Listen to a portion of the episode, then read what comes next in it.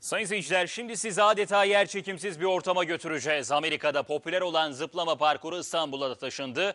Çocuklar bu sayede hem eğleniyor hem de okulların ikinci dönemine jimnastik yaparak hazırlanıyor.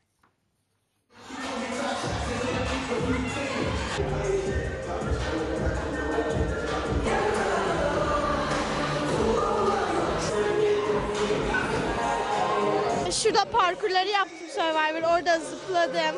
Orada böyle uzun tramvay var, orada yaptım. Çok eğlenceli. Olabildiğince yukarıya zıplıyorlar. Zorlu parkurları aşıp hava yastığına kendilerini bırakıyorlar.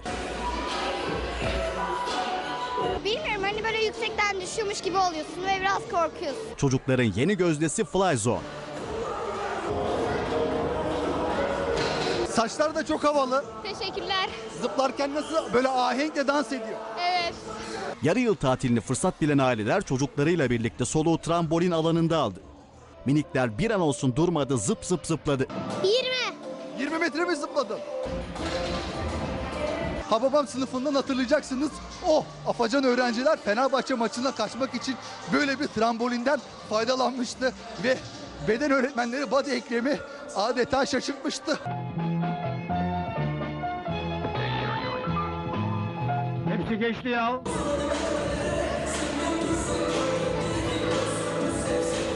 Hediye olarak annem buraya mı getiriyor?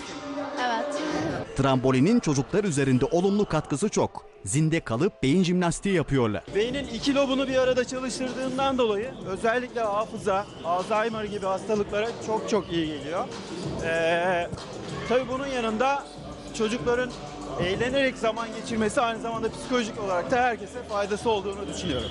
Yani çocuklar okulların ikinci yarısına bomba gibi hazırlanıyor. Hoplatma yeri. Karne nasıl geldi onu söylesem bana. Güzel. Hepsi çok iyi geldi. Hepsi çok iyi. Ben hep zıplıyorum zaten. Hep zıplıyorsun. Oyun da oynuyorum. Oyun oynuyorsun. Ders de çalışıyorum. Hepsinin zamanı var. Evet. İstanbul Mahmut Bey'de bulunan alışveriş merkezindeki Fly Zone uçmanın keyfini yaşayacak başta çocuk herkesi bekliyor. Arkaya bakmadan kendilerini salması gerekiyor hava yastığına. Aynı benim yaptığım gibi. Evet kalori yakıyorsun, kilo veriyorsun. Hem daha sağlıklı oluyorsun. Yiyeceklerine de dikkat edersen.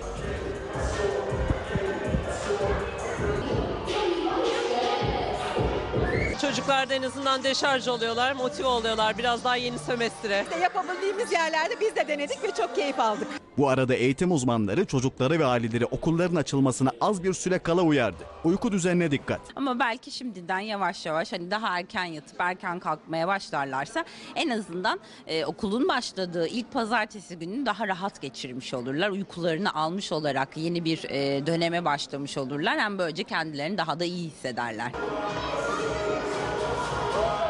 Bak